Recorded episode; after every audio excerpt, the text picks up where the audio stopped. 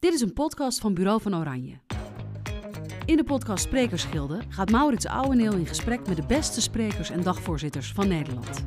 Wie zijn deze mensen die dag in dag uit voor volle zalen staan en daar anderen weten te inspireren en motiveren? En wat heeft hen ooit geïnspireerd om dit te gaan doen? In deze aflevering een gesprek met Wim Anker. Welkom, uh, meneer Anker, in de podcast van het Sprekersgilde. Dank u zeer. U bent een van de bekendste strafpleiters van ons land. U heeft grote zaken gedaan, zoals het bijstaan van Freddy E., de moordenaar van Gerrit-Jan Heijn, Robert M., de grote zedenzaak in Amsterdam, de Volendamse caféhouder Jan Veerman in zaken de Volendambrand, maar ook het bestrijden van het algemeen rookverbod in de trein is iets wat u heeft uh, bestreden. En ook het bijstaan van de zogenaamde blokkeervriezen. In 2021 besloten u en uw broer Hans echter te stoppen als advocaat. Kunt u eens aangeven hoe moeilijk deze overweging toen de tijd is geweest? Uiterst moeilijk.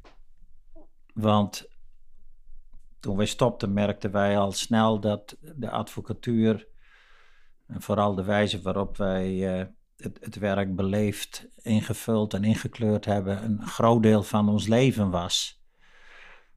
Maar uh, vertrek is ook niet uh, geheel vrijwillig geweest. Dat had met gezondheidsredenen te maken. Mijn broer heeft in 2013 een heel ernstig ongeval gehad. Is nou, bijna anderhalf jaar moeten revalideren. is daar redelijk uitgekomen, maar ja, fysiek toch veel klachten gehouden. En het beroep is loodzwaar. Het zijn enorm lange dagen. En dan moet je optimaal fit zijn. En ik heb, uh, ik heb een hartoperatie gehad een jaar of vier, vijf geleden. En toen zijn we om de tafel gegaan. En toen hebben we gezegd, moeten we niet een, een datum prikken? Nou, daar was broeder totaal niet mee eens. Hè, zijn eigen geruitbaasje. dus we hebben diverse keren om de tafel gezeten en uiteindelijk hebben we geprikt uh, 1 januari 22. Alleen die datum kwam wel heel snel dichterbij. Dat was 2,5 jaar tevoren dat we die beslissing namen. Het ging razendsnel. Dus uh, ja, heel moeilijk. Eh, ik mis het contact met de cliënten enorm. En het allermooiste vonden Hans en ik altijd het moment dat je, dat je kon en mocht pleiten dat de president in Roermond of uh, Middelburg of Assen zei van... Meneer Anker, nou aan u het woord voor pleidooi. S'avonds een uur of vijf, zes, zeven. Daar werk je naartoe en dat, dat, dat, dat missen wij het meest. Ik las in de Volkskrant, in een van de artikelen die over uw afscheid ging... U gaf aan, met bloedend hart stoppen wij. Ja. Ik begreep ook dat u een beetje moest onderhandelen met uw broer over het termijn dat jullie gingen stoppen. Klopt dat? ja, dat klopt. Ja, hij was daar uh, absoluut niet uh, voor. Uh, dus dat waren wel indringende gesprekken. Want ik heb ook tegen Hans gezegd: het, het, beroep is, is zo zwaar, dat vergt zoveel van je. En dat zie ik ook. Ik zie ook dat hij moe is, want daar begint hij zelf niet over. De, de man heeft een enorme hoge pijngrens, piept niet, mouwt niet, zeurt niet, mekkert niet. En toch heb ik gezegd van Hans, we hebben veertig prachtige jaren gehad samen in de advocatuur. Uh, we kunnen beter uh, een jaar te vroeg stoppen dan drie maanden te lang doorgaan. En dat moment, uh, dat kan een keer komen en dat moet je niet willen. Was er ook nog een optie geweest dat een van jullie langer door zou gaan? Ondenkbaar. En dat was ook een eh, van de argumenten waar Hans uiteindelijk gevoelig voor bleek. Dat ik tegen Hans gezegd heb, want hij zegt, waarom wil jij nu stoppen? Nou, dat heb ik hem goed uitgelegd en ik zei, uh, om het jou iets gemakkelijker te maken, uh, stop ik dezelfde datum. Want het kantoor is ruim 30 jaar anker en anker geweest. En niet anker, want Hans had het of laat ik het zo zeggen, ik had het alleen niet gered. Uh, zonder zijn steun en hij misschien ook niet zonder mijn steun. Maar de kracht was al die jaren de combinatie anker en anker. En ik zei dat, uh, en daarom stop ik ook. Als u uh, terugkijkt op uw carrière, Wat beschouwt u dan zelf als uw belangrijkste succes?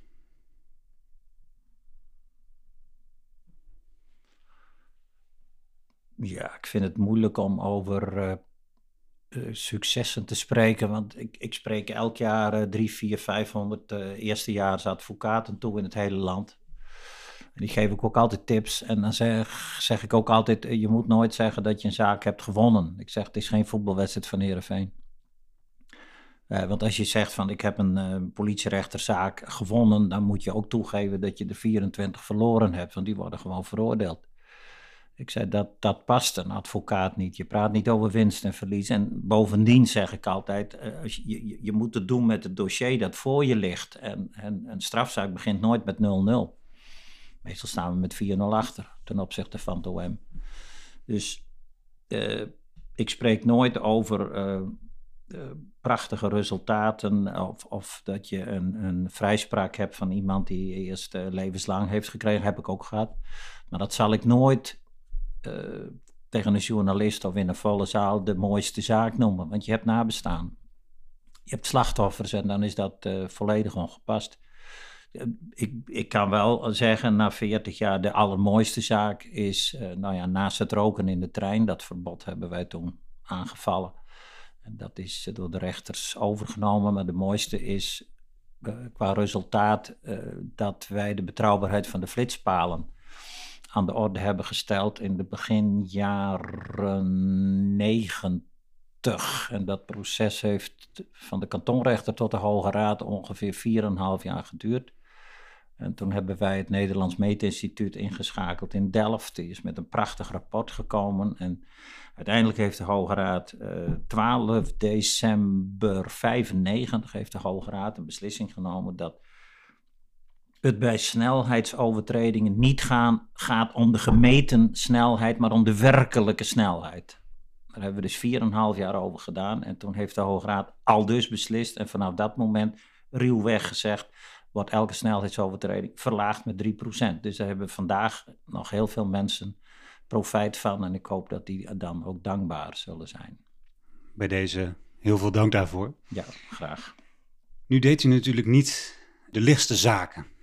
U stond veel mensen bij die een TBS-veroordeling hadden. U bezocht ja. deze mensen talloze keren in de cel.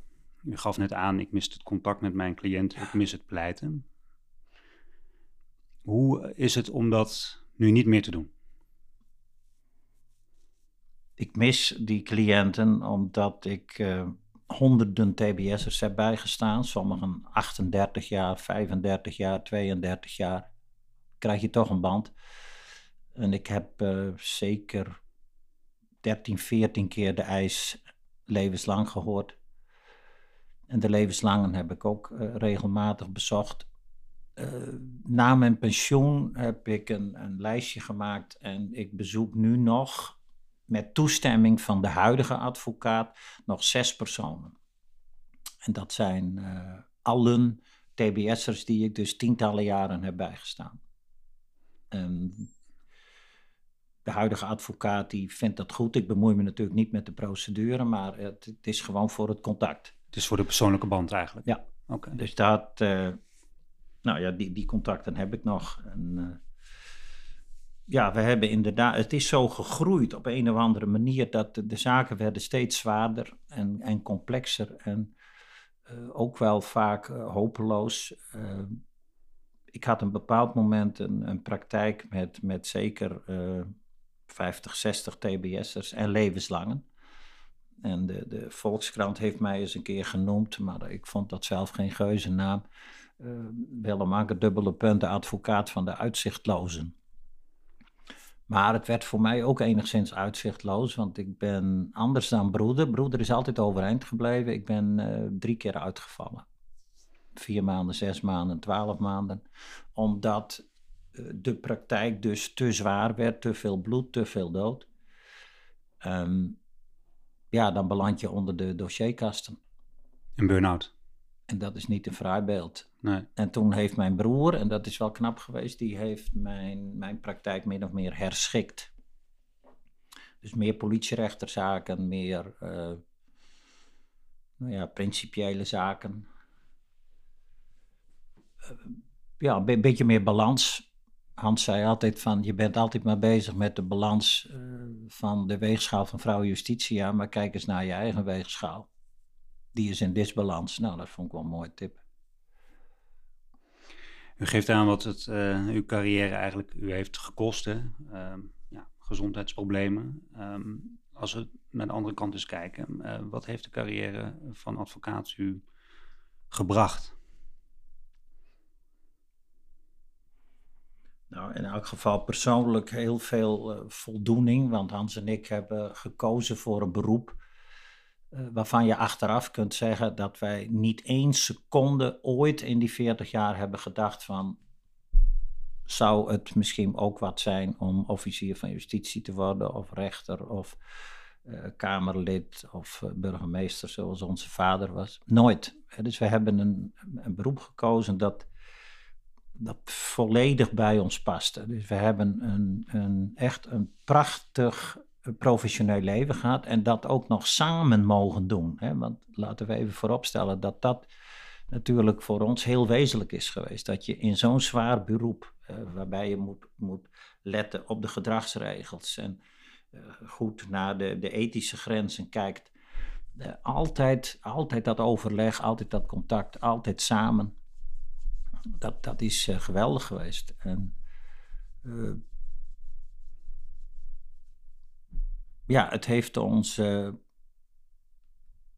heel veel gebracht, heel veel voldoening, ondanks de vrijwel dagelijkse kritiek vanuit de samenleving. Want wij zeggen op lezingen ook vaak, we hebben 40 jaar tegen de stroom ingeroeid. Dat is mentaal en fysiek heel vermoeiend.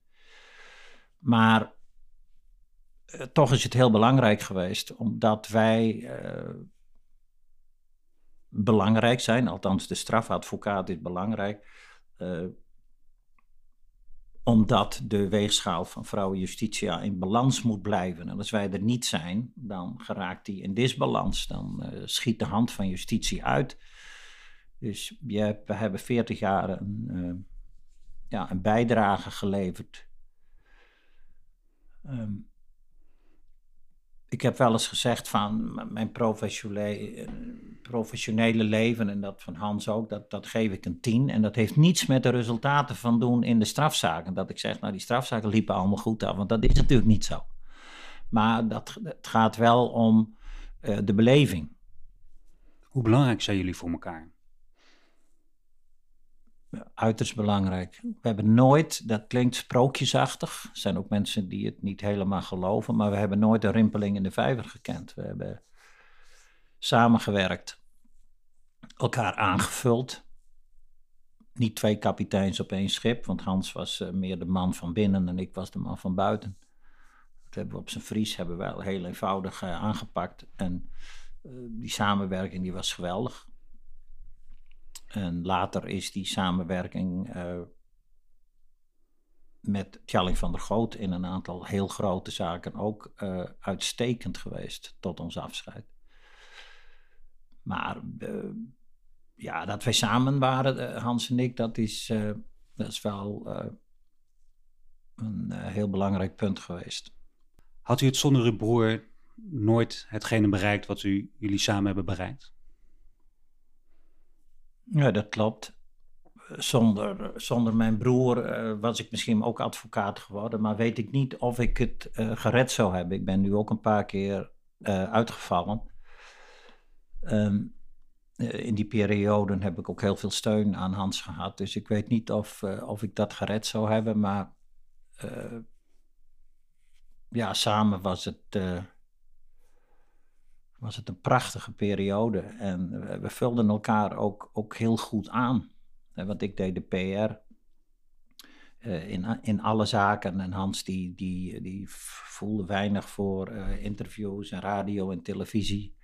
Uh, daar had hij weinig behoefte aan. En ik deed heel veel nou ja, lezingen al direct in het begin zittingen door het hele land. En Hans hield zich met name de eerste jaren met de bedrijfsvoering bezig. Dus wij vulden elkaar ook prachtig aan. En, uh, ja, daar kijk ik met heel veel uh, genoegen op terug. Veel van jullie zaken die jullie deden waren prodeo-zaken. Dus dat betekent dat er een, eigenlijk een kleine vergoeding van de staat tegenover staat. Hoe kan je dan eigenlijk een rendabel kantoor draaien? Dat kan dus niet. Althans, uh, wij hadden vijf uh, principiële uitgangspunten. Die hebben Hans en ik geformuleerd toen wij uh, Anker en Anker werden. En die, die punten zijn heel in kort alleen maar strafrecht. En binnen het strafrecht alleen de verdachte. B, we staan er niet erbij, maken nooit een uitzondering. C, actueel in Nederland, wij hebben de regie en nooit de cliënt. Vinden ze niet prettig, maar het is wel van belang. Vier, de cliënt kiest ons en wij nooit de cliënt. Wij wachten rustig koninklijke route tot de cliënt met ons contact opneemt. En vijf, kijken niet naar inkomen of vermogen bij de cliënt. Nou, dat is uw vraag. Dus wij hebben daar ook uh, inderdaad uh, eh, 40 jaar niet naar gekeken. En we hadden op een bepaald moment wel 22 mensen aan het werk. En het is heel simpel dat wij daar, uh, wij konden dat kantoor niet draaiende houden met die uh, toevoegingsgelden, zoals je het noemt, de prodeo-vergoedingen van de staat. Want die, die zijn natuurlijk, die, die vergoedingen zijn heel, heel mager voor alle werk wat je verricht. En welke samenstelling de, de, de regering ook had, welke politieke kleur er ook was, het maakte niet uit, er werd continu op bezuinigd soms 50 miljoen, soms 80 miljoen, zelfs een kabinet met de twee C's erin. Uh, ChristenUnie, CDA en dan nog de Volkspartij PVDA. Weer mis, hadden we alle hoop op gevestigd. Dus wij, wij konden daar uh, met, als kantoor niet van leven. En toen heeft Hans bedacht, die, die uh, nou, dat was, moet ik eerlijk toegeven, dat was wel een geniale set van mijn broer. Hij zei, we gaan cursussen geven aan de overige 18.000 advocaten. Nou, toen waren het misschien 13.000. Die ook zo nu en dan strafzaken. En dat is heel rustig begonnen. Eh, de eerste was in Leeuwarden. De eerste, er kwamen acht advocaten. Eh, de tweede, eh, Hans was een ondernemend type, was direct in Kampveerse Toren in Veren. Mijn vader is een Zeeuw uit Oost-Soeburg. Hans zei, we gaan naar Zeeland. Nou, daar waren er twintig en zo liep het op. En uiteindelijk is dat ja, dat is gewoon fantastisch geweest hoe dat liep. Hè. We hebben heel veel cursussen gehad, daar zaten honderd man. En uh, daar konden wij dus de, iedereen van betalen. Maar niet met de inkomsten uit de advocatuur zelf. Dus dat hebben we echt, die, die tweede, tweede maatschap, Anker en Anker opleidingen, waarin ook lezingen zaten. Eh, maar goed, die bedragen waren geringer. Maar die cursussen, dat bracht uh, door, door de grote getallen, bracht dat uh, zoveel op dat wij heel goed konden draaien met ons kantoor. En daardoor kon het, de financiële huishouding eigenlijk in balans komen. Dus door het geven van cursussen. Ja, ik zeg op lezingen krijgen we deze vraag altijd: hoe hebt u dat gered uiteindelijk, al die 40 jaren met uw sociale inslag? Dan zeg ik: dankzij de tweede maatschap, maar dat weten niet velen in den landen, hebben wij het sociale gezicht kunnen handhaven. Het kantoor uh, Anker en Anker bestaat gewoon nog? Ja, de naam bestaat nog, de beginselen worden omarmd en we hebben uitstekende contacten met al diegenen die er nu werken. En in welke rol uh, bent u daar nog bij betrokken en uw broer? Wij zijn adviseur, dat staat op papier, maar dat is niet slechts cosmetisch, maar dat heeft ook uh, reële inhoud. Dus uh, we hebben ook gehad dat er zijn vier nieuwe jonge advocaten aangetrokken uit de landen. En als er dan een zaak, er was een zedenzaak, heel complex, nou dan, dan worden wij gebeld en dan bereiden we dat helemaal samen voor. Soms gaan wij mee naar zittingen, uh, om na afloop een beetje te, te, evalueren. Hoe is het gegaan? Wat, wat moet er anders? Uh, et cetera. En, uh, dus we hebben, ja, we hebben uitstekend contact met kantoor. We hebben ook gezegd van wij lopen niet spontaan bij het kantoor binnen. Dat hebben we van Pa Anker geleerd. Die zei altijd weg is weg. Het ligt bij ons ietsje anders, maar wij lopen niet zomaar binnen. Wij bellen eh, als er iets bijzonders is en we komen eraan. En, eh, en we hebben gezegd, Tjallik van der Goot, die belt ons bij ziekte, eh, overlijden, een afscheid, een jubileum, kantooruitje, et cetera. Keurige afspraken. We praten in deze podcast met de beste sprekers en dagvoorzitters van Nederland. Voordat we daarover gaan hebben, heb ik eigenlijk één vraag. Heeft u verklaring waarom mensen überhaupt graag op een podium willen staan om een verhaal te doen? Ja, als ik kijk naar mijn broer en mij, dan is dat heel helder waarom wij uiteindelijk op een podium zijn beland. Al in het eerste jaar dat wij advocaat waren, 1981. Want wij waren zeer, zeer enthousiast na een jaar advocatuur. En we zeiden tegen elkaar: dit is het. Knallen, knokken, vechten, strijden, schieten. Prachtig beroep. Alles zit erin. Spanning, contacten met je cliënt, lief en leed. Alleen, we merken in dat eerste jaar ook al dat de samenleving heel anders over ons dacht. We hadden een niet populair beroep, hebben we onderschat. Dat, op je studie krijg je daar ook niks van mee, maar we hebben dat onderschat. Uh, als je strafpleiter bent, dat er vaak gedacht wordt, nou ja, uh, cliënt en advocaat, uh, één pot nat.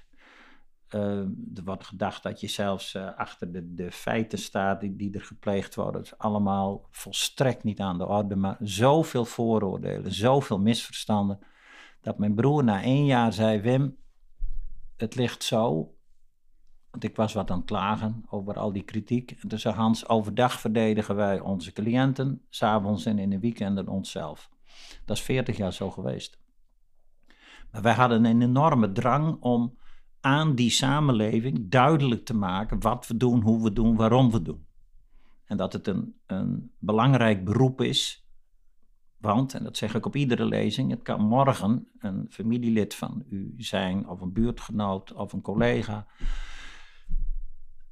et cetera, et cetera. Het is geen ver van mijn bedshow. En toen zijn wij, reeds in 81 zijn wij begonnen met het geven van lezingen in Friesland. Uh, over het beroep van strafpleiter. En dat is, uh, nou zou je ook kunnen zeggen, uh, enigszins uit de hand gelopen. Kunt u eens aangeven hoe zo'n eerste bijeenkomst verliep? De eerste bijeenkomst was in Elahuizen in Friesland. Dat was een onderwijzer heette volgens mij de heer Winia en die belde ons op. Die had een stukje in de krant gelezen en zei, willen jullie daar, willen jullie eens komen vertellen over je werk? En toen hadden Hans en ik nog, nog allerlei uh, casusposities op papier gezet die we gingen bespreken. Dat heel anders dan, dan, dan we het nu doen. En nou, heel langzaam is dat gegroeid. We gingen van het ene dorp naar het andere in Friesland. En later kwam er eens eentje uit, uit uh, Drenthe en uit Groningen. En toen gingen we naar Zwolle. En nou, uiteindelijk kregen we vaste lijnen in de lezing. Dat we gingen vertellen over de vijf principiële uitgangspunten van ons kantoor. Geladeerd met voorbeelden en later ook beelden erbij uit de documentaires. De vier documentaires over ons kantoor. Zo is dat gegroeid. En nou, we hebben er wel, denk ik, wel 5.000, 6.000 nu gedaan. Is het hele land. Is het, is het handig voor een advocaat dat je goed uit je woorden kan komen? Nou, zeker, zeker als strafadvocaat. Uh, want uh, heel veel uh, advocaten zijn, doen geen strafzaken, maar die, die zitten meer in het civiele recht. En daar pleit je natuurlijk veel minder. Nou, daar heb je soms wel eens een, een, een, een kort geding. Maar de, straf, de, de strafadvocaat die pleit uh, meerdere keren per week. Dat is ook waarom wij dat gekozen hebben. Waren, toen we 18 waren, gingen we dus echt honderden keren vanaf ons 18 naar de rechtbanken te Zwolle, Assen, Groningen, Leeuwarden. Om te kijken uh, hoe treedt de officier op, wat is de taak van de rechter, let op uh, de advocaat. Ontzettend leerzaam. Toen hadden we al snel door het strijdbare beroep van de advocaat. Dat wordt hem. U heeft dus eigenlijk best wel veel uh, zittingen bijgewoond om te kijken hoe ja. wordt dat spelletje daar in die rechtszaal gespeeld. Ja, want ik ging solliciteren. Mijn eerste sollicitatie was bij het kantoor Stoop in Leeuwarden. Dat werd later Trip.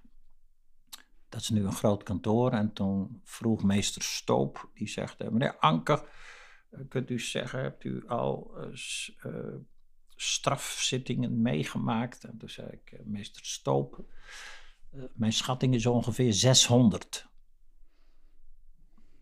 Nou, toen had ik nog wel een paar flauwe grappen kunnen vertellen, was ik nog aangenomen. Dus dat hielp wel. We waren goed voorbereid. Worden zaken gewonnen of verloren door een advocaat die goed kan spreken? Nee, want ik heb al gezegd, gebruik als advocaat nooit de term winst of mhm. verlies, want dat mhm. is niet uh, passend. Want je krijgt een zaak, een dossier waar je het mee moet doen.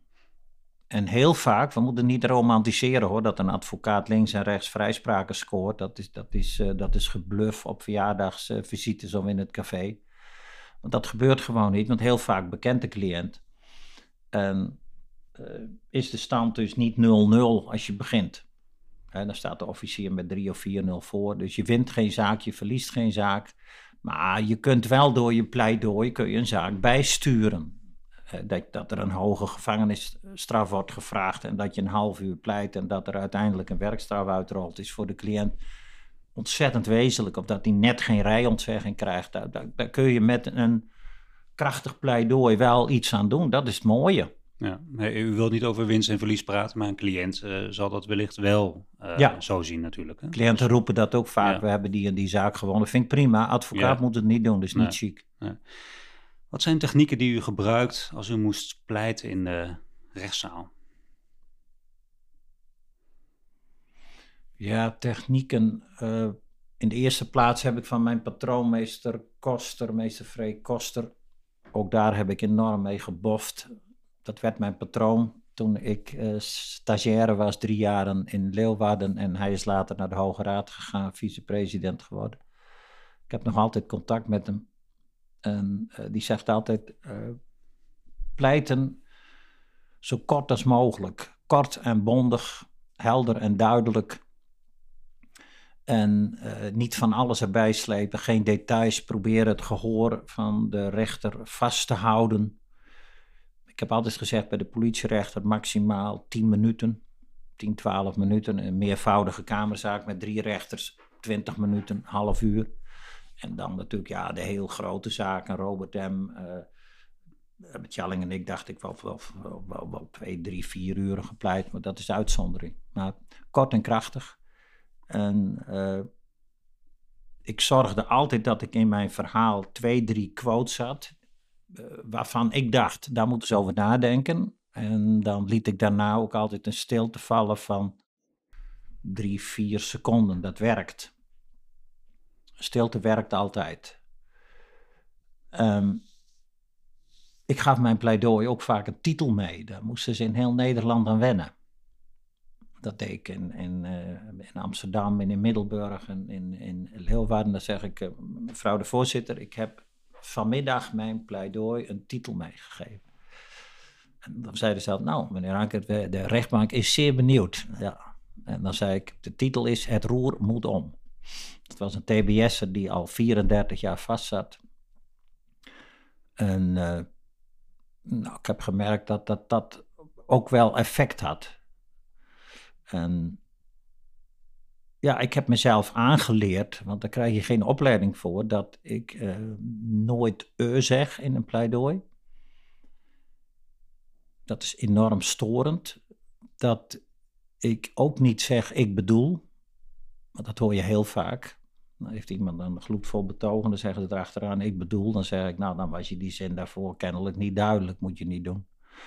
En dat ik, en dat heb ik ook aan Hans doorgegeven, na iedere vraag op een zitting van de officier uh, of van de rechter. En later na de zitting van journalisten, altijd twee, drie seconden rust. En dat leer ik jonge advocaten ook niet happen. Dat willen journalisten natuurlijk wel. Hè. Bij Robert M. dan gingen die deuren open. Er stonden elke keer 40, 50 journalisten, radio, televisie, kranten. En dan liepen Tjalling van de Groot en ik gewoon door. Liepen ze voorbij, gingen we een kwartier in een lege kamer zitten en dan kwamen we terug. En dan niet happen als er een vraag komt, maar even twee, drie seconden rustig. Want journalisten willen dat je hapt. Daar hebben wij geen belang bij. We zijn jurist. Afgewogen reactie geven. Nooit emoties tonen. Nooit een teleurstelling. Nooit een traan in je ogen. En ook nooit een teken van uh, euforie. Vooral niet als het gaat om meervoudige moordzaken die wij vaak hadden. Altijd het gelaat strak. Als de president dan de vrijspraak uitsprak, dan was je natuurlijk inwendig heel blij voor de cliënt.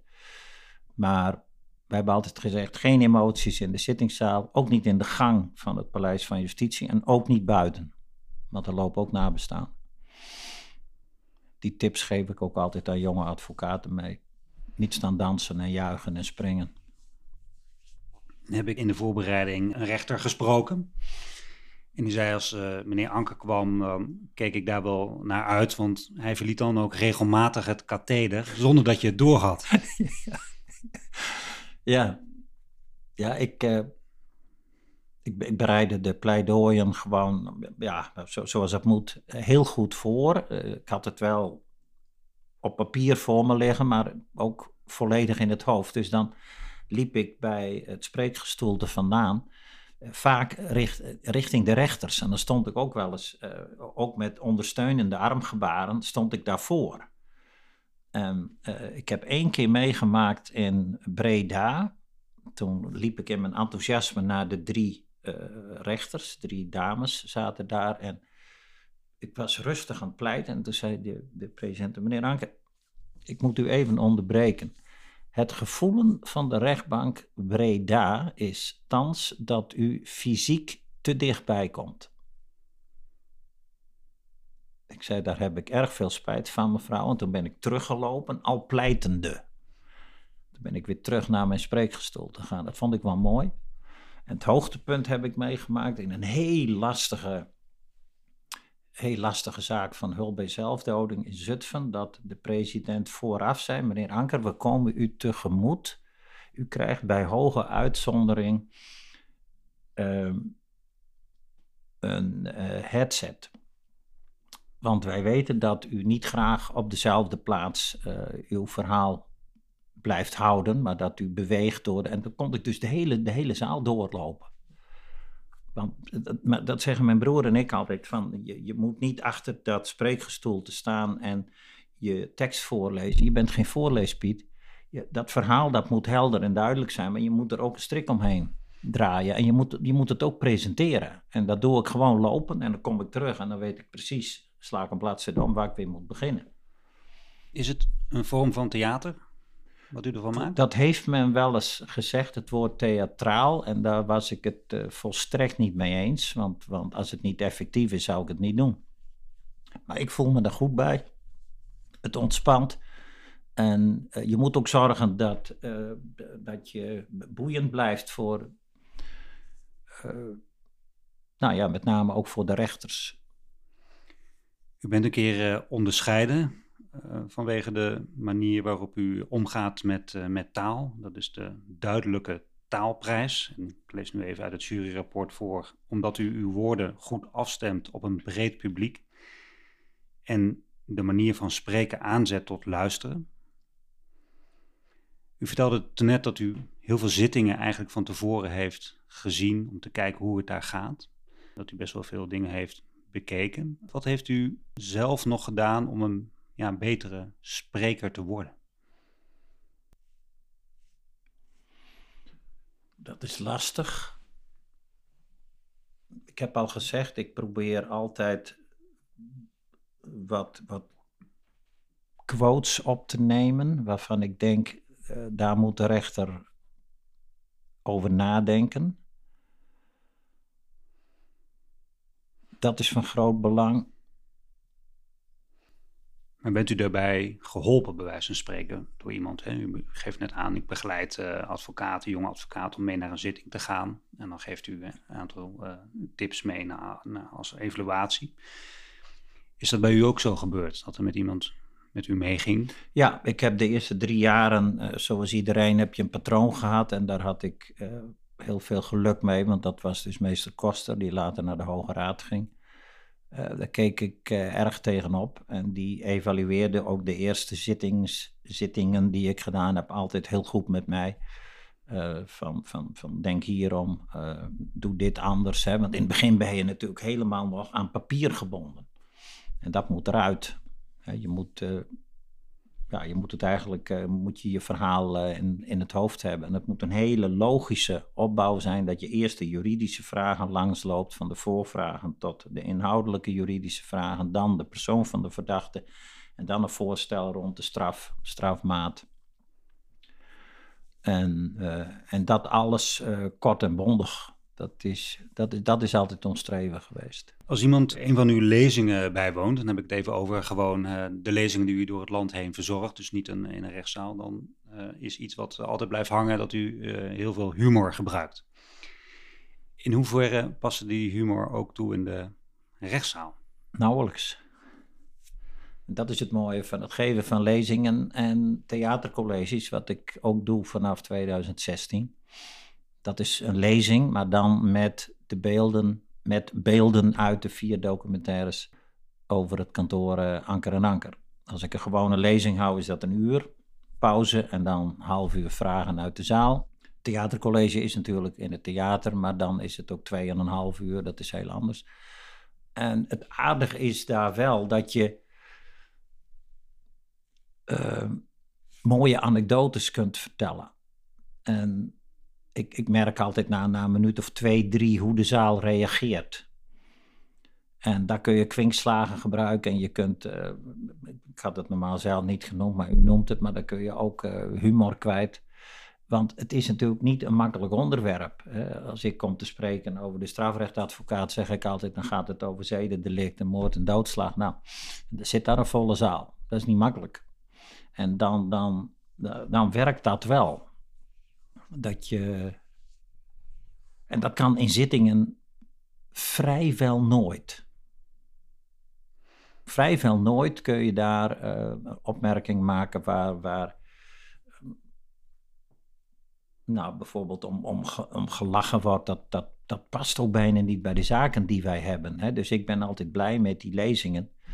Uh, daar kun je een, uh, ja, dan kun je je ei ook leggen. Uh, kun je struisvogelei leggen. Maar je kunt ook nog wat, wat uh, prachtige anekdotes uit, uh, uit die 40 jaar doen. En, en, en, meestal in het begin van mijn lezing, dan, dan vertel ik even iets over kantoor. Dan zeg ik, nou ja, ik werk bij het kantoor Anker en Anker. Dat is aan de, aan de Ossekop in Leeuwarden, een smal steegje. En ik zei, het bijzondere van ons kantoor is dat wij helemaal geen parkeergelegenheid hebben.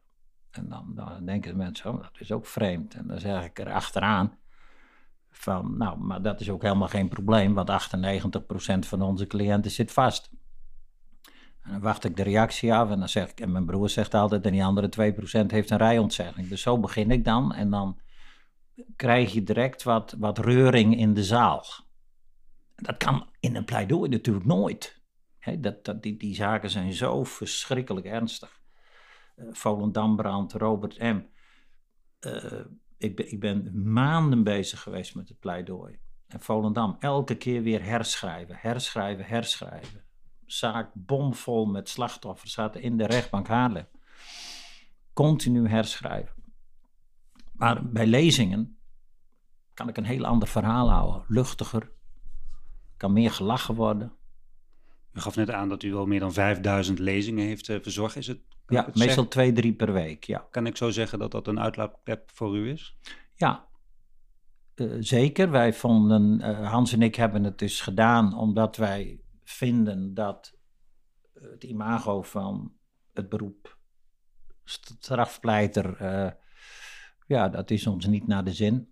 Dus wij hebben, hebben dat wel als een missie gezien. En het, het was ook enorm vermoeiend, hè? want je hebt werkdagen van, van tien uur en, dan moet je s'avonds nog naar, uh, naar Apeldoorn, uh, Zutphen, uh, Sertogenbos, uh, twee uur thuis.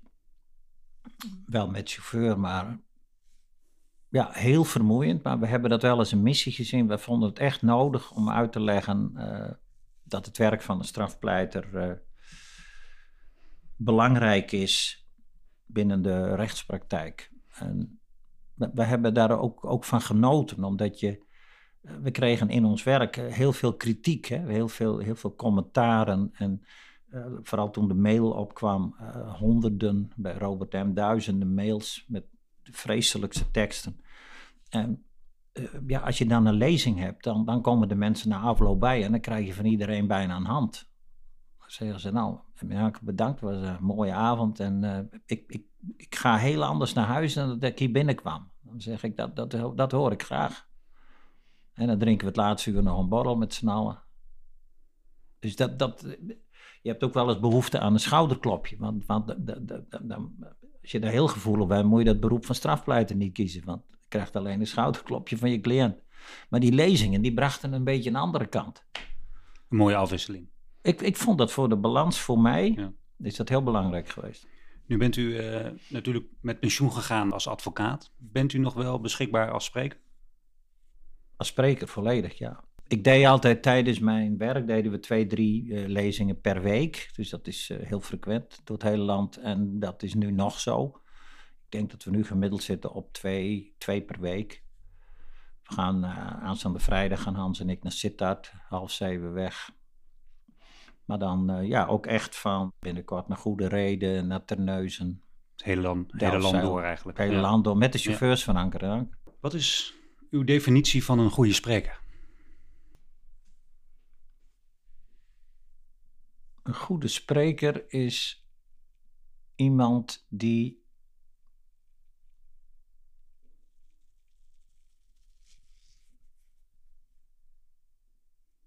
informatie overbrengt naar een zaal. In dit geval bij ons is dat dat ik, dat is het informatieve, educatieve element, wil uitleggen wat rol, taak, attitude is van de strafpleiter in Nederland. Dus dat je dat ten tonele brengt, maar dat je ook dat doet op een wijze die de zaal boeit en die de zaal alert houdt en betrokken houdt. En dat doen wij door te komen met voorbeelden uit onze rechtspraktijk, maar ook met anekdotes die het geheel wat luchtiger maken. Nu heeft u het vermogen om beeldend te, te spreken. Is dat iets wat u geleerd heeft of dat dat eigenlijk al aangeboren was?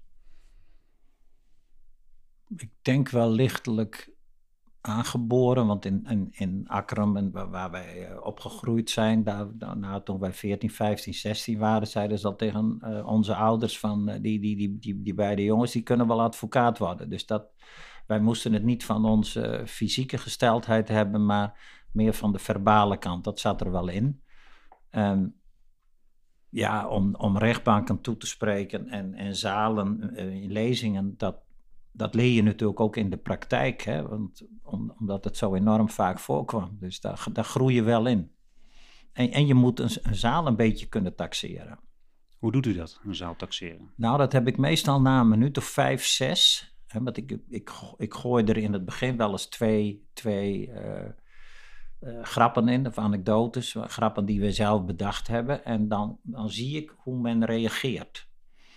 En vaak merk ik ook al een beetje wat, wat, wat de zaal eh, wel wil horen en niet. Hè. Dus dan heb ik een, een, plan B. Dan denk ik, uh, dan komen er al, vragen uit de zaal. Dan denk ik, een beetje oppassen. En, en dan laat ik de zaak Robert M., de afschuwelijke zedenzaak uit Amsterdam, die laat ik dan soms, dan improviseer ik, dan laat ik die weg. En dan kom ik met een ander voorbeeld, luchtiger. Uh, want je hebt ja, je hebt zalen, vooral als het op een vrijdagavond is en, en je gaat naar ondernemersclubs, dan, dan, dan heb je al gauw door, nou die zitten hier, eh, die hebben er zin in. Een mooie avond, dan kan er meer. En je komt ook wel dat je in kerken spreekt of uh, bij Rotary en Lions Clubs, dat, dat, dat het uh, serieuzer is. En dan denk ik, oei, ik doe maar eventjes nou, wat minder controversiële voorbeelden uit de praktijk. Dat, dat, ja, dat voel je een bepaald moment aan. En dan doe je wat, uh, nou ja, dan kom ik met principiële zaken, zoals dat roken in de trein. En uh, de betrouwbaarheid van de flitspalen, die valt overal goed. Als we even inzoomen op de voorbereiding die u doet op een lezing. Hè? Want u staat echt voor, nou ja, voor kleine groepen, grote groepen. Geeft aan in een kerk, uh, ondernemersclubs, uh, grote theaters, kleine theaters, intieme theaters. op alle mogelijke plekken heeft u al gestaan. Als opdrachtgevers u met u een voorgesprek houden. Wat is dan hetgeen wat ze graag willen dat door de avond met uw lezing wordt bereikt?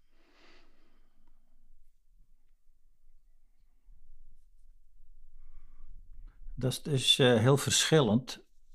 Uh, Hans en ik hebben de laatste jaren heel veel uh, voetbalverenigingen bezocht. En die avonden vinden steeds plaats op een vrijdagavond in, in, in, de, in de kantine. Nou, het ging een bepaald moment hier in Friesland werkelijk van, van dorp tot dorp. En dan was vaak de, de boodschap, nou, alle sponsoren zijn er en de vrijwilligers. Nou, meestal zit het dat helemaal vol. 200, 250 man. En dan zegt de voorzitter, uh, het, het, het, het moet een gezellige avond worden. Verbroedering, harmonie, feestelijk. Dan een heel ander verhaal. Dus het, het, het, hangt heel erg van, van de zaal af. En, maar ik wil zelf uh, daar sta ik ook altijd op, dat zeg ik ook altijd tegen Hans. Ik wil die, die vijf uitgangspunten die wij hebben in de praktijk, die wil ik, soms wat korter, soms wat uh, langer, die, die wil ik uh, te bedden brengen. Omdat ik wil uitleggen hoe wij die 40 jaar gewerkt hebben. zeer principieel kantoor. Ik heb altijd gezegd, principieel kantoor met een sociaal gezicht, 40 jaar. Principes nooit vanaf geweken.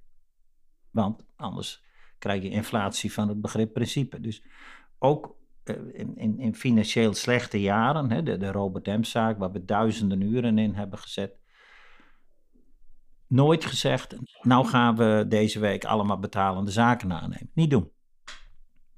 Dus dat leg ik uit. We hebben principes, wijken we niet vanaf. En we hebben de tuchtrechter, Hans en ik, in 82 jaar nooit gezien. Ook belangrijk. Gedragsregels omarmen, en zorgen dat je nooit, nooit uh, een, een vorm van belangenverstrengeling krijgt. We zeggen altijd, uh, je moet, hè, belangenverstrengeling, dan is het al mis, want dan zit je met twee benen in één kous. Nou, uh, je weet dan hoe dat eruit ziet. dan zeggen we altijd, je moet de, de, de schijn van en de kans op belangenverstrengeling niet eens willen. Ik zeg altijd op lezingen, je moet een halte eerder uitstappen dus soms komen cliënten bij ons en dan denken wij al na het eerste gesprek van dit, dit, dit komt tijdens de rit niet goed. We hebben cliënten die komen binnen met een plastic zak met allemaal vreemde valuta erin. Ja, die hebben binnen drie, maanden, binnen drie minuten weer buiten staan. Probeer het elders maar. dus je moet, je moet heel goed op de gedragsregels letten. Uh, wij nemen in beginsel niets, uh, geen contanten aan. En uh, ook heel goed om denken dat uh, als je een, een, zaak van een verdachte aanneemt, dat je eerst goed kijkt wie, wie is het slachtoffer. Kennen wij het slachtoffer, kennen we de nabestaan? Direct niet doen. Direct beslissen, meneer, gaat u maar naar een ander kantoor. Wij doen het niet. Helder en duidelijk. Nu treedt u uh, alleen op, u treedt met uw broer op. En uw broer Hans treedt ook alleen op. Ja. Een opdrachtgever kan dus eigenlijk drie smaken kiezen. Ja, dat staat nu ook. We hebben een, een eh, site laten ontwikkelen, Anker en Anker Lezingen. En daar kan men dus kiezen. En dan krijgen we dus elke week krijgen we die formulieren binnen. Wie wilt u uh, graag hebben? En dan staat er, meestal staat er Hans en Wim. Uh, ja, ook in toenemende, maar alleen Hans. Of alleen ik. Want Hans, ja, we hebben nu de, in feite zeg ik wel eens in Hans bedienen we het hele spectrum nu uh, qua onderwijs. Want ik doe al uh, eh, 35 jaar diverse universiteiten, ook nu nog, eerstejaars uh, rechten.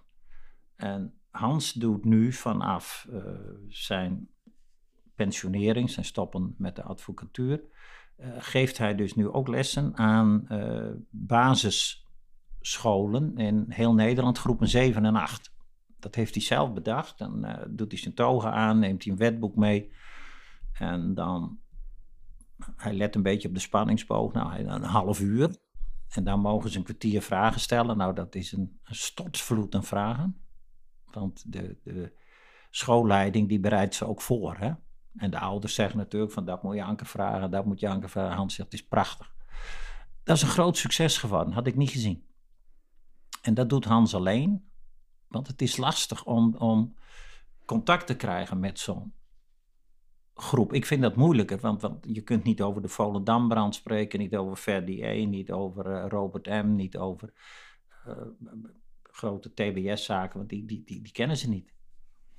En, maar Hans doet dat, eh, maar dan ook weer door het hele land. En hij wordt enorm veel gevraagd op scholen. En hij doet ook VMBO, MBO. En dan doe ik HBO en de universiteiten. Dus dan heb je in wezen het hele spectrum. En dat is belangrijk dat je dus heel snel al duidelijk maakt het rechtssysteem in Nederland, hoe dat werkt en de rol van de advocaat.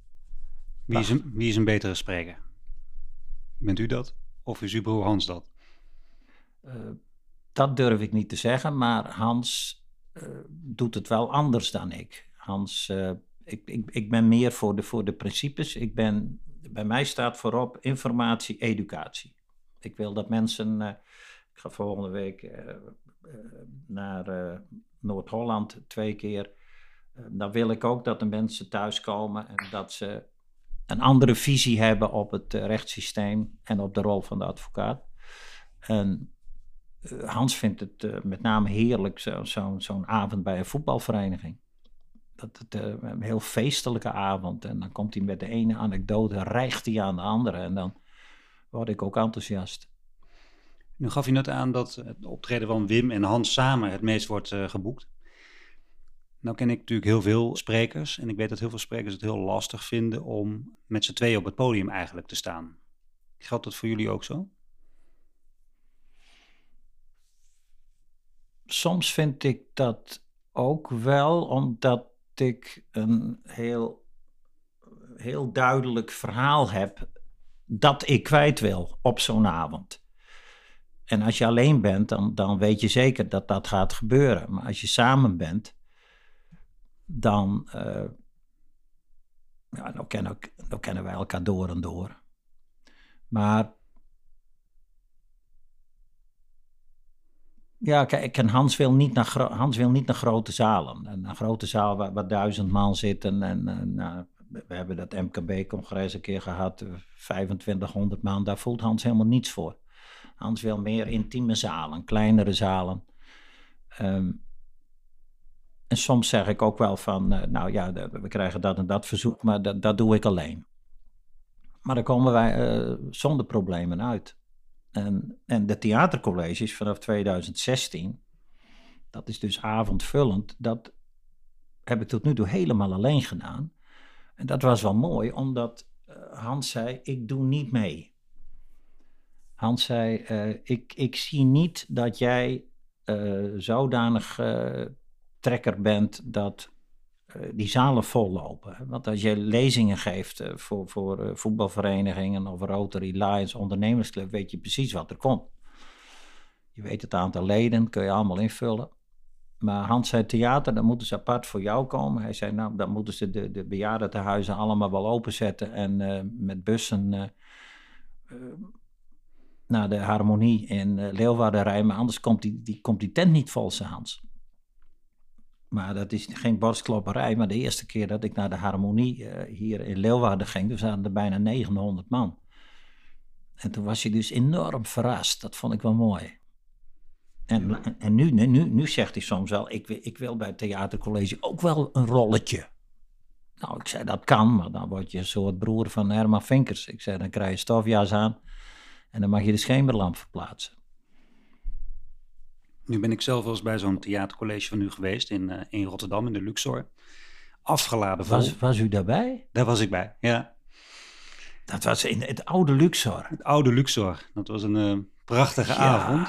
Ja, ja, ja, ja. Ja, ik weet, ik weet het nog precies. Er waren, waren veel mensen. Ook, ook dat verbaasde Hans. Hè? Dat hij zegt, van, dan ga je naar het oude Luxor. Ik ben naar... Uh, de Koninklijke Schouwburg, de, de, de allermooiste waar ik geweest was, Koninklijke Schouwburg in Den Haag. Hadden ze mij geboekt op een maandag. Nou, is niet echt een courante dag. Uh, het was ook vol. En toen dacht ik bij mezelf van, uh, pot verdrie, dit gaat goed. En het oude Luxor heb ik ook goede herinneringen aan. Ja. Wat u uh, bij lezingen vaak doet is, we hebben het even over uw broer, u maakt grapjes over uw broer. Ja, ten koste van mijn broer in het ja, algemeen. Wat ja. vindt uw broer daarvan? Nou, het vervelende is dat hij dat ook doet. Hij draait die grappen dan zodanig om dat ik het slachtoffer word. En dat vind ik ook prima. Uh, ik heb dat geloof ik in het oude Luxor ook gezegd. Want dan vragen mensen wel eens van... Uh, hoe is die relatie nou met uw broer? Want u bent, uh, u bent een beetje ouder dan Hans. Hè? En dan zeg ik altijd... mevrouw, wij zijn op 27 februari 53 op Schiermonnikoog geboren, samen uit een groot struisvogelei gekropen. Ik was de eerste, Hans kwam een kwartier later. En dan eindig ik als volgt. Terugkijkend op mijn leven waren dat mijn gelukkigste 15 minuten. En toen is Hans dat via via, uh, is, hij, is hem ter oren gekomen dat ik dat gezegd heb. En nou doet Hans die opmerking, doet hij ook in zijn lezingen. En dan zegt hij, nou, Wim was de eerste. Hij, hij, hij draait het gewoon naar zichzelf toe. Hij zegt, dan was Wim de eerste. Nou, dan moest Hans dus nog even wachten. En dan zegt hij, dat waren mijn gelukkigste 15 minuten. Ja. Maar ik, ik, ik, inderdaad, ik maak grappen over hem. En dat komt omdat wij niet uh, willen uh, zeggen van, uh, nou, kijk, mijn broer die eh, is een goed pleiter of die kan dit goed. Of, eh, dat, dat zullen wij nooit doen. Het is meestal dat we kritisch op elkaar zijn. En dan vragen ze bijvoorbeeld uit het publiek, eh, als er een van u op tv is, waarom bent u dat altijd? En dan zeg ik altijd, dat heeft een esthetische achtergrond. En dan wacht ik even en dan zeg ik, ik vind mijn broer alleen geschikt voor radio en geheime zenders. Kijk, dan is het beeld helder, maar daar kan Hans wel mee leven. Maar ik vind dat mooi, je moet elkaar niet ophemelen. Nu bent u gewend om altijd te moeten praten, te moeten pleiten in een rechtszaal. Als u een lezing heeft, dan bent u degene die in de schijnwerper staat. Ja. Is er bij u dan een vorm van wedstrijdspanning? Zeker. Wat voor spanning is dat? Ik heb de meeste spanning gevoeld bij het MKB-congres, maar dat uh, is u ook bekend. Dat was het congres wat wij uh, samen hadden, waar 2500 mensen waren. En dan sta je daar op een podium, zo kolossaal. Ik zei, er konden wel 100 vrachtauto's staan. En dan sta ik alleen met een spreekgestoelte. En ik had geen beelden, want het was een, een lezing van drie kwartier. Dus dan doe ik dat niet, het is geen theatercollege. En toen was ik, uh, ik was er al vroeg met de chauffeur en toen was ik uh, erg onder de indruk. Het was zo massaal. Uh, dan, dan krijg je ook heel moeilijk contact met zo'n zaal. En ik heb natuurlijk niet een makkelijk onderwerp. Advocaat in strafzaken, dubbele punt, een wandeling op een evenwichtsbalk, had ik het genoemd. Maar voor mij was Björn Kuipers. En die liet beelden zien op een gigantisch scherm van de, van de Champions League finale. En hoe zijn contact was met, met de, de lijnrechters. En uh, enorme spanning. En, en toen dacht ik, man, jij hebt het makkelijker dan ik. Maar ik moet nog. En ja, en, en dan ga je staan. En je ziet bijna niemand. Je ziet een paar rijen mensen. Hè? Dus eh, mijn broer zegt altijd, ik wil een man of vijftig in de zaal hebben. Oogcontact hebben, zien hoe ze reageren. Verbaal, non-verbaal. Maar dat, dat heb je niet in zo'n zaal. En dan, dan hoor je links en rechts wel reacties en geluiden. En dan denk je, nou, het gaat goed. Of uh, we gaan zo door. En plan B hoeft niet. Maar dat vond ik... Uh, ik zei vanochtend tegen mijn partner uh, Jantien, die geeft zelf ook lezingen. En, en die is journalist en columnist en schrijft ook boeken. Uh, die van die MKB, daar heb ik het nog vaak over. Dat vond ik. En, en dan sta je maar te wachten en dan, en dan moet je op op dat enorme podium. En dan ben ik heel wat gewend. Maar uh, ja, Ligt u er nog eens wakker van? Nou, ik, ik, ik, ik roep niet vaak om mijn broer, maar ik had, ik had toen paar minuten van tevoren heb ik nog gedacht, moet ik hem bellen dat hij komt. ja, dat... Uh, maar goed, uiteindelijk uh, is, is dat, is, dat, uh, wel, wel, wel, is dat ook wel goed verlopen en dan ben je ook wel weer blij. Nu sprak ik eerder in deze podcast met Ruud Hendricks. En Ruud Hendricks die gaf aan dat hij altijd ankerpunten in de zaal zocht. Dus dat betekent dat hij bepaalde mensen ja. in de zaal in de gaten hield of zijn verhaal wel of niet valt. Ook mooi dat hij dat ankerpunten noemt. Ik wou net zeggen, heeft u zogenaamde ankerpunten in de zaal? Ja, ik doe dat ook. Maar ik had het woord ankerpunt er nog nooit aan verbonden, dus dat heb ik nu geleerd. Bij deze? Dank. Ja, ik kijk al, ik, ik pik er vaak uh, drie uit. Eén wat jonger, een middelbare leeftijd, een wat ouder, op drie verschillende posities. En dan kijk ik hoe ze op mijn opmerkingen reageren. Want we hebben natuurlijk ook heel uh, gevoelige en, en uh, ernstige uh, zedenzaken. Zo'n zaak Robert M. Dus dan, soms begin ik daar wel aan en dan merk ik hoe daarop gereageerd wordt. En dan, dan houd ik het kort en dan begin ik, kom ik met een ander voorbeeld uit de praktijk. Hè. Dus ik, daar kijk ik wel naar. Ik heb wel vaste punten.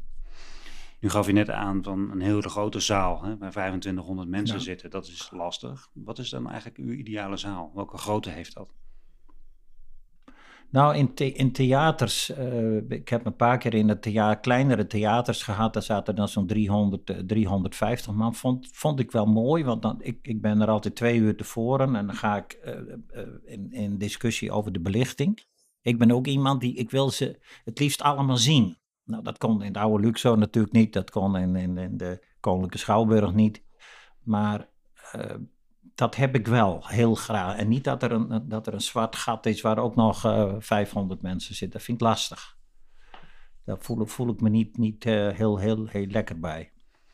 En ik loop altijd heen en weer. Hè. Ik blijf ook daar niet als een zak meel achter mijn uh, spreekgestoel te staan. Maar ik loop, wil overal, overal waar ik een lezing geef, wil ik een headset. Ik wil niet, niet belemmerd zijn. Ik wil niet vastzitten aan een plek, maar gewoon lopen bewegen. Wat ik toch wel kan herinneren is dat u uh, eigenlijk uh, drie uh, eisen heeft als u komt spreken. Dat is een katheder, een, een, glas water en een headset. Ja. Alleen dat katheder, dat verlaat u constant. Ja. Ja, dat is een beetje een uitvalsbasis. En daar liggen dan mijn briefjes, dat geeft vastigheid. Hè? Die, die liggen er dan, die daar kan ik op terugvallen. Maar in wezen heb ik het verhaal in mijn hoofd. Maar ik, ik schrijf ook naar alle mensen, alle opdrachtgevers toe. Ik heb, ik heb eigenlijk geen, helemaal geen eisen en wensen. Gewoon een glas koud water, een spreekgestoelte en, en inderdaad die headset. En dan, dan ben, ik, uh, ben ik tevreden. Nu gaf u uh, eerder in het gesprek aan dat u uh, redelijk uw emoties kan uitschakelen als u in de, in de rechtszaal bent en als u aan het pleiten bent. bij lezingen is dat anders. Hè. Bedient u ook, komt ook nog wat humor bij kijken. En dan zien we ook wel eens een, een glimlach op het gezicht komen. Had u nou als advocaat bij het pleiten ook last van een zekere wedstrijdspanning? Zeker. En dat geldt ook voor de lezingen en de theatercolleges. Dat ik, ik ben altijd ook bij zittingen. Eh, stel je voor dat we naar de bos moeten. Uh, altijd een uur van tevoren aanwezig. Opdat er rust is, niet alleen bij mij, maar ook bij de cliënt, dat hij weet, Anker is er niet op het laatste moment binnenkomen. En ik wil dan, en dat geldt zeker bij lezingen, ik wil niet dat uur van tevoren dat mensen aan mij trekken, tegen me aan beginnen te praten. in het theater vind ik het fijn dat ze me even verwelkomen, maar niet, niet, niet lange verhalen. Dan wil ik helemaal op mezelf zijn. Maar kan ik ook wel wat kort zijn, dat ik zeg, nee, dat wil ik niet. Na afloop hebben we een borrel om half elf, dan praten we nog wel even, maar dan wil ik niet gestoord worden. Je wil zich kunnen concentreren. Ja, want ik doe niets uh, op de automatische piloot. Hè, dus ook als er een keer, uh, nou ja, als er maar 200, 300 mensen zitten, dan, dat je dan denkt van nou, uh, dit komt allemaal wel goed. Nee, ik, ik, bereid me goed voor. Ik kijk naar de zaal. Ik zie ook wie er binnenkomen. Wat is het voor, voor, type publiek? Wat is het voor vereniging die het organiseert? Daar ga je ook in verdiepen. Heel belangrijk als, als ik bijvoorbeeld naar, naar Drenthe ga of naar Zeeland. Van, hebben zich daar uh, vreselijke uh, misdrijven voorgedaan, bekende, landelijk bekende zaken. liggen er gevoeligheden? dat je denkt, nou ja, die zaak moet je juist niet overspreken. En ik vraag altijd aan de voorzitter van welke instantie dan ook waarvoor ik spreek. Liggen hier gevoeligheden? zitten er mensen in de zaal die een, een, kind hebben verloren, bijvoorbeeld door misdrijf. En ik heb al een aantal keren gehad dat ze zeiden: ja, ja die, die, die man die daar zit, uh, die heeft zijn zoon verloren, die was conducteur in de trein en die is doodgestoken. Ben ik direct naartoe gegaan. Direct vooraf. Ik zei: Ik vind het heel knap dat u hier zit. Ik weet, ik ken uw achtergrond. Want ik heb liever niet dat, dat, dat, en dat heb ik in het begin gehad, dat dan steeds de vinger van diegene omhoog gaat. Hè, die het volstrekt niet eens was met, met de rol van de advocaat. Dus dan haal ik de angel eruit. En ik zei, als u behoefte hebt aan een gesprek, doen we dat na afloop. Of u komt een uur bij mij op kantoor. Wordt uw rol als advocaat altijd wel goed begrepen? Want ik kan me voorstellen dat bij lezingen ook wel eens mensen zullen komen die inderdaad aan de andere kant hebben gestaan. Ja. Wordt dan altijd goed begrepen wat uw rol als advocaat was?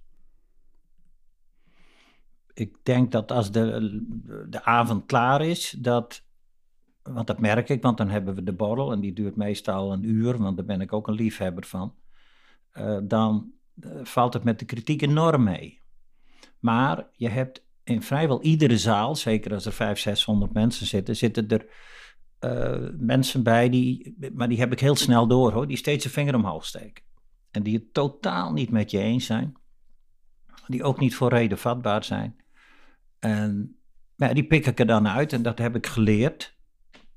Uh, om daar tegenop te treden. En als die dan voor de, voor de derde keer uh, de vinger omhoog steken tijdens de, de lezing, dan zeg ik: Meneer, ik zie dat u enthousiast bent en u maakt op mij ook een heel gretige indruk. Maar dit is al uw derde vraag. Uh, ik zei: Wat mij betreft is uw quotum volgevist. En voor overige vragen, dan kunnen we dat uh, na afloop misschien even uh, kort bespreken. En dan hoor je soms in de zaal ook de opluchting, want ze kennen dan diegene wel. Meestal komen ze dan met een plastic zak aan met allemaal stukken er ook nog in. Dan denk ik, oh, die moet ik in de gaten houden. En elke keer weer die vinger en dan, dan laat ik het tot twee komen en dan zeg ik stop. Klaar, want het gaat mij om de rest van het publiek. Als u ergens een uh, lezing geeft, dan krijgt u na afloop altijd applaus. Kunt u ook goed tegen kritiek? Als mensen zeggen: Ik vond het wel leuk, meneer Anker, maar.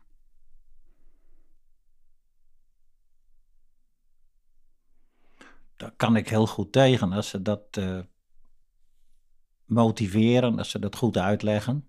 En, en, dat gebeurt natuurlijk. Vaak zijn het mensen die hebben de, een, een kind verloren. Dat vertellen ze dan een automobilist onder invloed. En uh, heeft een advocaat dan bijgestaan. En daar zijn ze dan woedend over.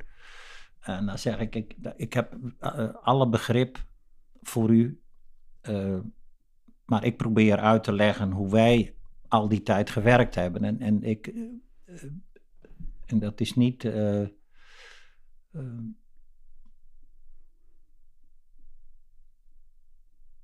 nou, omdat ik het fraaier wil voorstellen, maar uh, na lezingen, na theatercolleges, heb, heb ik zelden dat er iemand bij mij komt die uh, gramstorig is, boos is, opgewonden. Dat is heel gek, maar dat, dat, dat, dat is gewoon een gegeven. En dat, dat vind ik mooi. Ik heb al gezegd, in elke zaak zit wel een querulant die uh, nou ja, van die beroepsprocedeerders. En die, maar die pik ik er heel snel uit en die, uh, die maak ik een beetje tam. Angel eruit halen. Maar over, nee, over het algemeen gaat dat nu, nu u dat zo vraagt, uh, nee, heb ik niet, niet veel. Ik heb nooit, nooit uh, de, tijdens de borrel van een uur, na welke lezing dan ook hele twistgesprekken nog met mensen. Ik wil u graag vijf korte vragen stellen, die ik eigenlijk aan al mijn gasten stel. En ik begin even bij uh, vraag vijf. Welke vraag wordt u na afloop bij de borrel het meest gesteld? Meestal beginnen ze over de bijzondere relatie met mijn broer. Het is niet meer de vraag van hoe kunt u een moordenaar of een verkrachter bijstaan, want dat is altijd voor de lezing. Maar als ik die lezing heb gegeven van een uur, moet glashelder zijn dat ik dat kan. En hoe ik dat doe. Dus daar beginnen ze niet meer over. Ze beginnen meestal over uh, de, de, de, de, ja, de toch wel unieke relatie met, uh, met mijn broer. Uh, heel veel mensen beginnen ook over mijn geliefde voetbalclub Herenveen. Er komen zelfs vragen tijdens de colleges, vind ik ook mooi. Hoeveel uur schat u in dat u al op een podium hebt gestaan?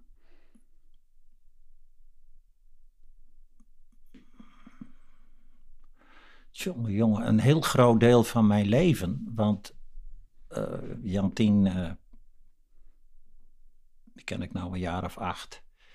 Uh, die zegt wel eens van, jij staat een groot deel van jouw leven op, op een podium. En ja, dat komt omdat je 40 jaar advocaat bent geweest en dus pleidooien moet voeren en meerdere keren per week uh, lezingen. Ja, kijk, als je, als je 6000 lezingen geeft en, en, dan sta je meestal uh, drie uur op een podium, dan heb je al 18.000 uren gehad. En 40 jaar advocatuur, uh, dat zal nog veel meer zijn, dus het zal wel gauw 50, 60.000 uren worden. Wat is volgens u de mooiste zaal van Nederland? Ik was onder de indruk van de Koninklijke in Den Haag. Wat is het grootste publiek waarvoor u hebt opgetreden? MKB-congres, 25 of 2600 man. Welke spreker raadt u meestal aan als u of uw broer niet beschikbaar is? Ik houd het uh,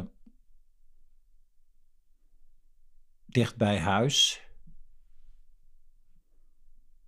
Als Hans en ik beiden verhinderd zouden zijn, dan noem ik de naam van Tjalling van der Goot, omdat die ook regelmatig lezingen geeft. Zeker in Friesland. U en uw broer die zijn uh, regelmatig uh, belicht op tv. U refereerde al even aan een documentaire verschenen. Zo nu en dan zijn er nog wel wat meer uitzendingen. Uw afscheidsjaar is ook gefilmd door Omroep Friesland. Wat mij opviel is dat er van jullie nog geen biografie is geschreven. Is het daar niet gewoon tijd voor? Ja, dat is een heikel punt.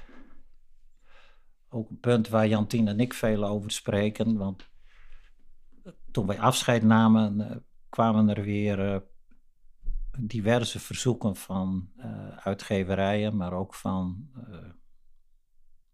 bekende schrijvers en uh, zelfs juristen van uh, wij vinden dat er een, uh, een boek moet komen. En ik heb, ik heb een map hier liggen en dat, dat speelt al, al twintig jaar, denk ik.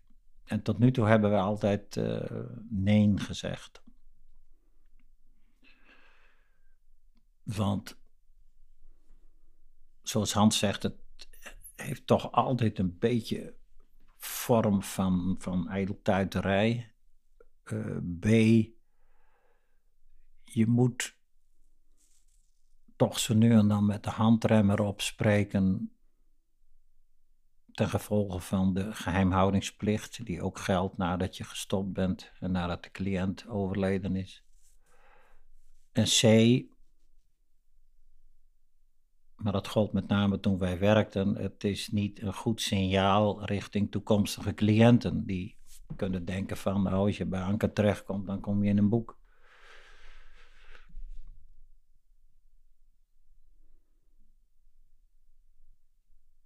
Maar Jantien eh, denkt daar anders over. Die vindt het uh, heel belangrijk dat, dat Hans en ik uh, ons verhaal, en dan met name hoe wij vinden dat de advocatuur moet worden ingekleurd, en ingevuld overbrengen aan de toekomstige advocaten in Nederland. Omdat wij toch een eigen geluid hebben en de strafadvocatuur op dit moment in zwaar weer verkeert. En zij zegt zo'n boek zou toegevoegde waarde kunnen hebben. Dus we hebben hier thuis een enige discussie. Ik ben nog niet om, maar ik ben ook niet gevoelloos. Het is een proces. Ja, het is een proces. Wat is dan de afweging om eh, wel op tv uh, u te laten portretteren en dan nog niet in een boek? Omdat wij uh, na ampel beraad, Hans en ik, hebben gekozen voor de documentaire als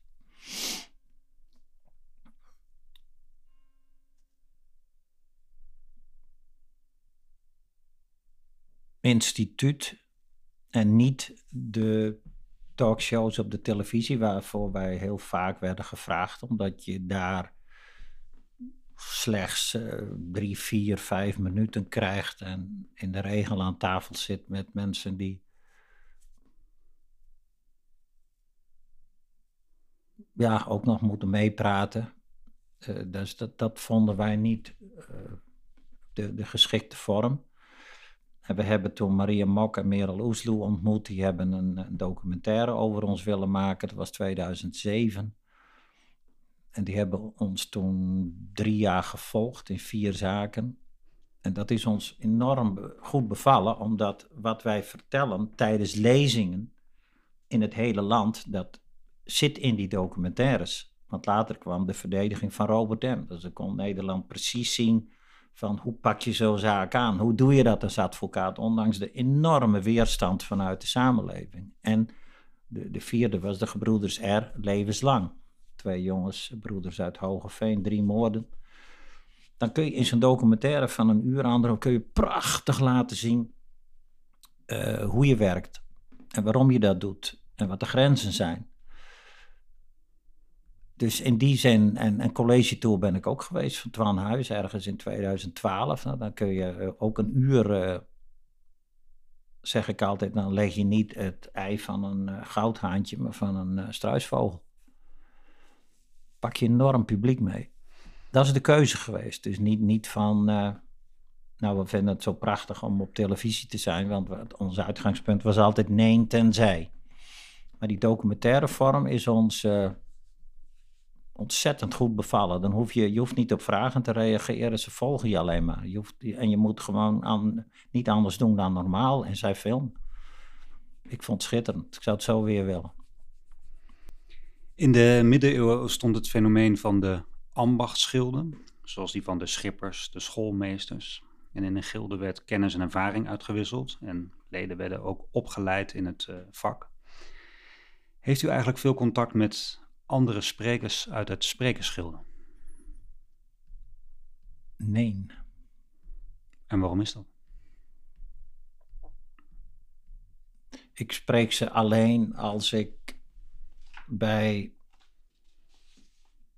bijeenkomsten kom waar, eh, zoals bij de uh, eh, MKB-congres, dan tref je ook andere sprekers die voor jou komen of na jou komen. En ik ben wel in een paar keer in dat congrescentrum in Lunteren geweest. Dan zat Mart, Mart Smeets bijvoorbeeld in zaal A en ik zat in zaal B. En John van der Heuvel zat in zaal C. En dan tref je elkaar, maar verder helemaal niet. Nee, Hans en ik hebben eigen, uh, eigen stijl ontwikkeld. Daar houden wij aan vast. Dat is niet eigenwijs bedoeld, maar... Had u als advocaat wel onderling veel contact met andere advocaten? En door de cursussen uh, was het natuurlijk, hebben we de duizenden leren kennen.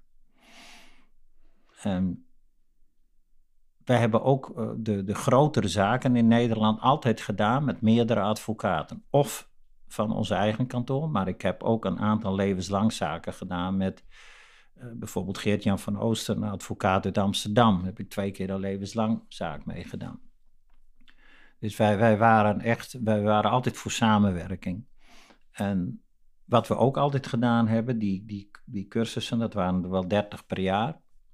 Uh, en dan zeiden we altijd tegen de cursisten, als jullie uh, problemen hebben met een, met een individuele zaak of je hebt vragen, dan kun je altijd bellen. En nu we afscheid namen, hebben we een heel mooi, heel mooi boek gekregen, ingebundeld met honderden reacties. En dan zeggen die mensen, we konden altijd jullie in individuele zaken bellen om advies. Dat vind ik mooi. Werd er veel gebeld? Onze secretaresse heeft een keer gezegd: we kunnen een advocaat aantrekken om alle vragen van collega's te beantwoorden. Maar wij verdeelden dat over vier advocaten. We, iedereen belde we, mailden we terug, stuurden we jurisprudentie mee, gaven we tips. Dus we hebben uh, zeker niet alleen maar uh, naar ons eigen bedrijf gekeken, maar uh, even over de schutting naar anderen met vragen. Nu gaf u aan dat het beroep van advocaat zwaar is. dat het geven van lezingen een uitlaatklep is.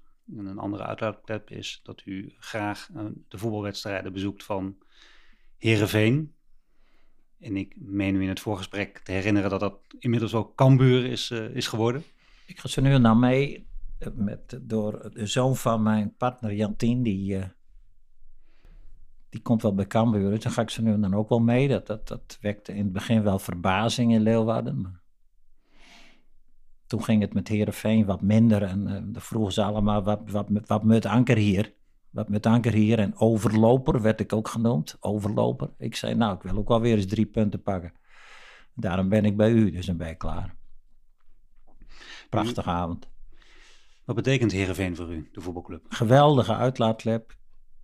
En, uh, wij zijn fans in hart en nieren. En dat werd nog versterkt Akrum, uh, Akrum uh, we hebben 60 jaar heb ik daar gewoond.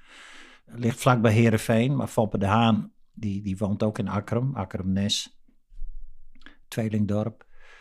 Um, dus het is, een, uh, ja, het is voor ons heel belangrijk. En ik heb zojuist geformuleerd dat wij nooit met drie strepen eronder, emoties tonen bij uitspraken in welke strafzaak dan ook. Dus nooit uh, tekenen van teleurstelling, uh, verdriet en ook nooit van vreugde, omdat wij dat niet professioneel achten, uh, zelfs ongepast. Maar dan zeg ik wel eens tegen mensen: ik ben en dat weten mijn naasten ook, een uh, emotionele man. Nog meer dan mijn uh, broederlief. En, en, die emoties moeten er wel uit. En, en bij Herenveen gebeurt dat dus ook in, in hevige mate. Dat, dat, dat mensen wel eens zeggen van, van Anke, ga nou eens zitten. Want dan zitten ze achter ons en dan, dan, dan wij staan driekwart van de tijd. En ik heb zelfs wel eens gehad dat, dat ik zo aan het juichen was bij een goal van Herenveen. Dat mijn broer naar me toe ging en tikte me op de schouder. En zei: Wim, ga maar zitten. Het is inmiddels weer 1-1. Hm. Had ik helemaal niet gezien. Hm. Maar dan, uh, ja, dat, dat, dat, dat, dat is ook een compensatie voor, voor die enorme spanning die je door, de, door de hele dag hebt. En, en als je dan naar zo'n wedstrijd gaat, dan, dan nemen we ook uitgebreid tijd voor. We gaan eerst een uur naar het café gaan, we met z'n twintigen indrinken. We maken er een, een, een, ja, een, uitje van. Het is, uh, ja, het is, het is gewoon heerlijk. Nu geeft u bij uw lezingen geeft u ook altijd een anekdote uh, van een reclamebord wat u sponsort op Schiermonnikoog. En dan heeft een andere advocaat uit Nederland heeft daar een bord naast staan. Meester Theo Hiddema, markante pleiter, senator. Als hij op onze cursussen kwam, dan zeiden wij: Goedemiddag, meneer de senator, fijn dat u er bent. We kunnen uitstekend met hem als ik in Maastricht was om te pleiten, dan belde ik uh, Theo wel op. Dan zeg ik, uh, kun je over een half uur in café in den Ouden Vogelstruis komen om samen een Limburgse Els te drinken? Gebaseerd op sterranijs en alsemkruid. Tot uw dienst, zei Theo dan. markante man. Wij hadden, Hans en ik hebben een reclamebord doen plaatsen aan de rand van het voetbalveld Schiermonnikoog. En die club heet VV de Monnik. En toen heb ik een tekst bedacht. Leef niet als een monnik, dubbele punt, anker en anker voor al uw misdrijven. Het staat er nog. Nou, veel reacties op gekregen. Omdat het wel opviel. Uh, een paar weken later stond er een bord naast. Want Theo Hiddema is vaste gast bij Hotel van der Werf op Schier. En die dacht van, ho, ho, ho eens even, uh, Ankers. En die heeft er een bord naast geplaatst. Meester Theo Hiddema, advocaat in Maastricht en Amsterdam, dubbele punt. Uw hoofdletter anker in de baaiers. En als ik dat dan vertel, uh, daar wordt, heel erg om gelachen. Maar ik zeg ook wel vaak tegen een zaal, als ze dus luider lachen om dat bad van Theo Hiddema, dan zeg ik, uh, meneer de voorzitter, ik vind dit niet een prettige zaal. Ik vind het zelfs een nare zaal. maar dat is voor de sfeer is dit goed. Dit werkt altijd. Theo vindt prima. Ja. U loopt er lang mee. Als je nou één ding zou mogen veranderen aan het uh, sprekersvak, wat zou dat dan zijn? Nee, ik voel me wel uh, senang in die rol. Het is niet mijn beroep geweest. Nou ja, deels die cursussen. Maar wat ik uh, ervaar bij lezingen en theatercolleges, uh, zoals dat nu loopt, uh, ben ik heel content. En ik vind het heerlijk dat ik nu ik gepensioneerd ben, toch nog twee keer per week over mijn werk kan spreken. En ik heb verder geen kritiek op de beloning of op de, de ontvangst in theaters. Of... Nee, dan had ik dat al lang geuit. Nee, dat heb ik niet. Is er eigenlijk wel genoeg diversiteit van sprekers? Nou, Hans en ik hebben een tijd lang uh, ons afgevraagd van waarom niet meer uh, advocaten uh, het toneel kiezen, omdat dat juist voor onze beroepsgroep zo belangrijk is, dat tegengeluid. De stem des volks is er nog altijd. Als je in, ik heb in praatprogramma's gezeten uh, op, op, televisie. Ik heb heel beperkt door dat Jannik van der Goot is met de zaak Robert M. Een keer of drie in zo'n programma verschenen. Er zitten dan mensen om tafel met, met, ja, met opmerkingen. Daar, daar lusten de honden geen brood van. Het is gewoon de, de, de kleedkamertaal. Uh, Wij vonden het heel belangrijk om naast ons werk uh, het land in te trekken. Om uit te leggen hoe het werkelijk zit. En wij vonden het verschrikkelijk jammer dat officier, dat uh, advocaten dat uh, nauwelijks deden, maar ook. Wij hebben ook lezingen gegeven bij, bij, bij officieren. In Utrecht bijvoorbeeld waren 150 officieren. Ik zei, waarom gaat u niet meer het land in. Hoeft niet direct het theater te zijn, maar, maar ga het land in. En rechters ook. En ik vind dat daar uh, de diversiteit nog te, te matig is. U bent uh, met pensioen als advocaat. Uh, u heeft aangegeven hoe u dagen invult. We zitten nu hier in uw studeerkamer. Zijn er dan nog dingen die u nog graag de komende jaren wil bereiken? Ik ben heel content met vier jaar departement en veertig jaar advocatuur. Dat is voorbij. En ik ben heel content met het uh, leven nu, waarbij ik via lezingen nog betrokken blijf bij het uh, prachtige beroep wat ik gehad heb. En verder op dat punt heb ik geen andere wensen.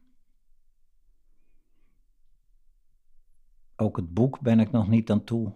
Want ik weet dat dat een uiterst tijdrovende kwestie is. Als je ja zegt, daar ben je zo, zo volgens mij een jaar, twee jaar mee kwijt. Dus ik ben, hier zit een uh, tevreden man. En ik ben privé ook heel blij. Ik heb al gezegd van ik geef mijn professionele leven een 10. En dan niet omdat ik bereikt zou hebben, maar eh, omdat de beleving gewoon een tien is geweest. En nou, privé eh, ben ik ook heel blij en ik zeg wel eens, eh, mijn partner heet ook niet Jan 7 of Jan 8. Maar die heeft een mooie naam Jan 10 meegekregen, dus dan heb ik, heb ik niet veel meer te wensen, want ik heb het al, vind ik. Hoe wilt u later herinnerd worden? Die vraag is mij gesteld toen wij stopten met het werk. En toen heb ik twee punten genoemd. Ik hoop dat men na ons stoppen zegt dat Hans en ik de strafrechtadvocatuur een iets socialer gezicht hebben gegeven. Dat is punt 1. En punt 2, ik hoop dat men stelt dat wij het niet populaire beroep van strafpleiter dichter bij de mensen hebben gebracht, dichter bij de samenleving. Door die duizenden lezingen en die documentaires. Ik heb eigenlijk nog maar één vraag. Wat is de belangrijkste les die u tot nu toe hebt geleerd? Houd je kennis niet voor je, deel die met anderen. Zeker met collega's, wat niet heel gebruikelijk is in de landen, hebben wij dat bijna 40 jaar gedaan. En geef ook je ideeën, gedachten over het vak door aan toekomstige advocatengeneraties. Dus kortom, leef niet voor jezelf, maar kijk altijd naar anderen. Kijk over de schutting. Deel. Heel erg bedankt voor het gesprek. Dit was een podcast van Bureau van Oranje.